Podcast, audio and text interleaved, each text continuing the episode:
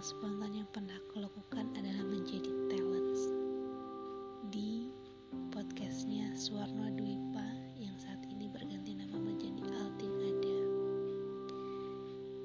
Di podcast itu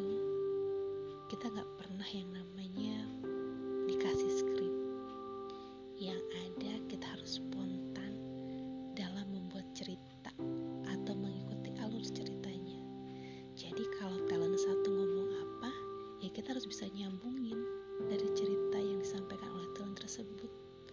Dan itu setiap kali mau mulai record itu nggak ada yang namanya skrip-skripan itu bagi-bagi skrip tuh nggak ada. Yang ada adalah hanya di briefing dengan ide cerita seperti ini seperti itu. Dan kita harus siap harus siap mengikuti setiap alur cerita yang akan dituangkan oleh para talent talent yang ada di dan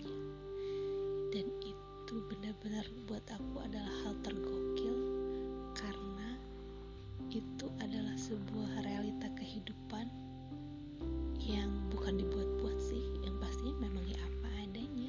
Dan itu real seperti kejadian dalam kehidupan sehari-hari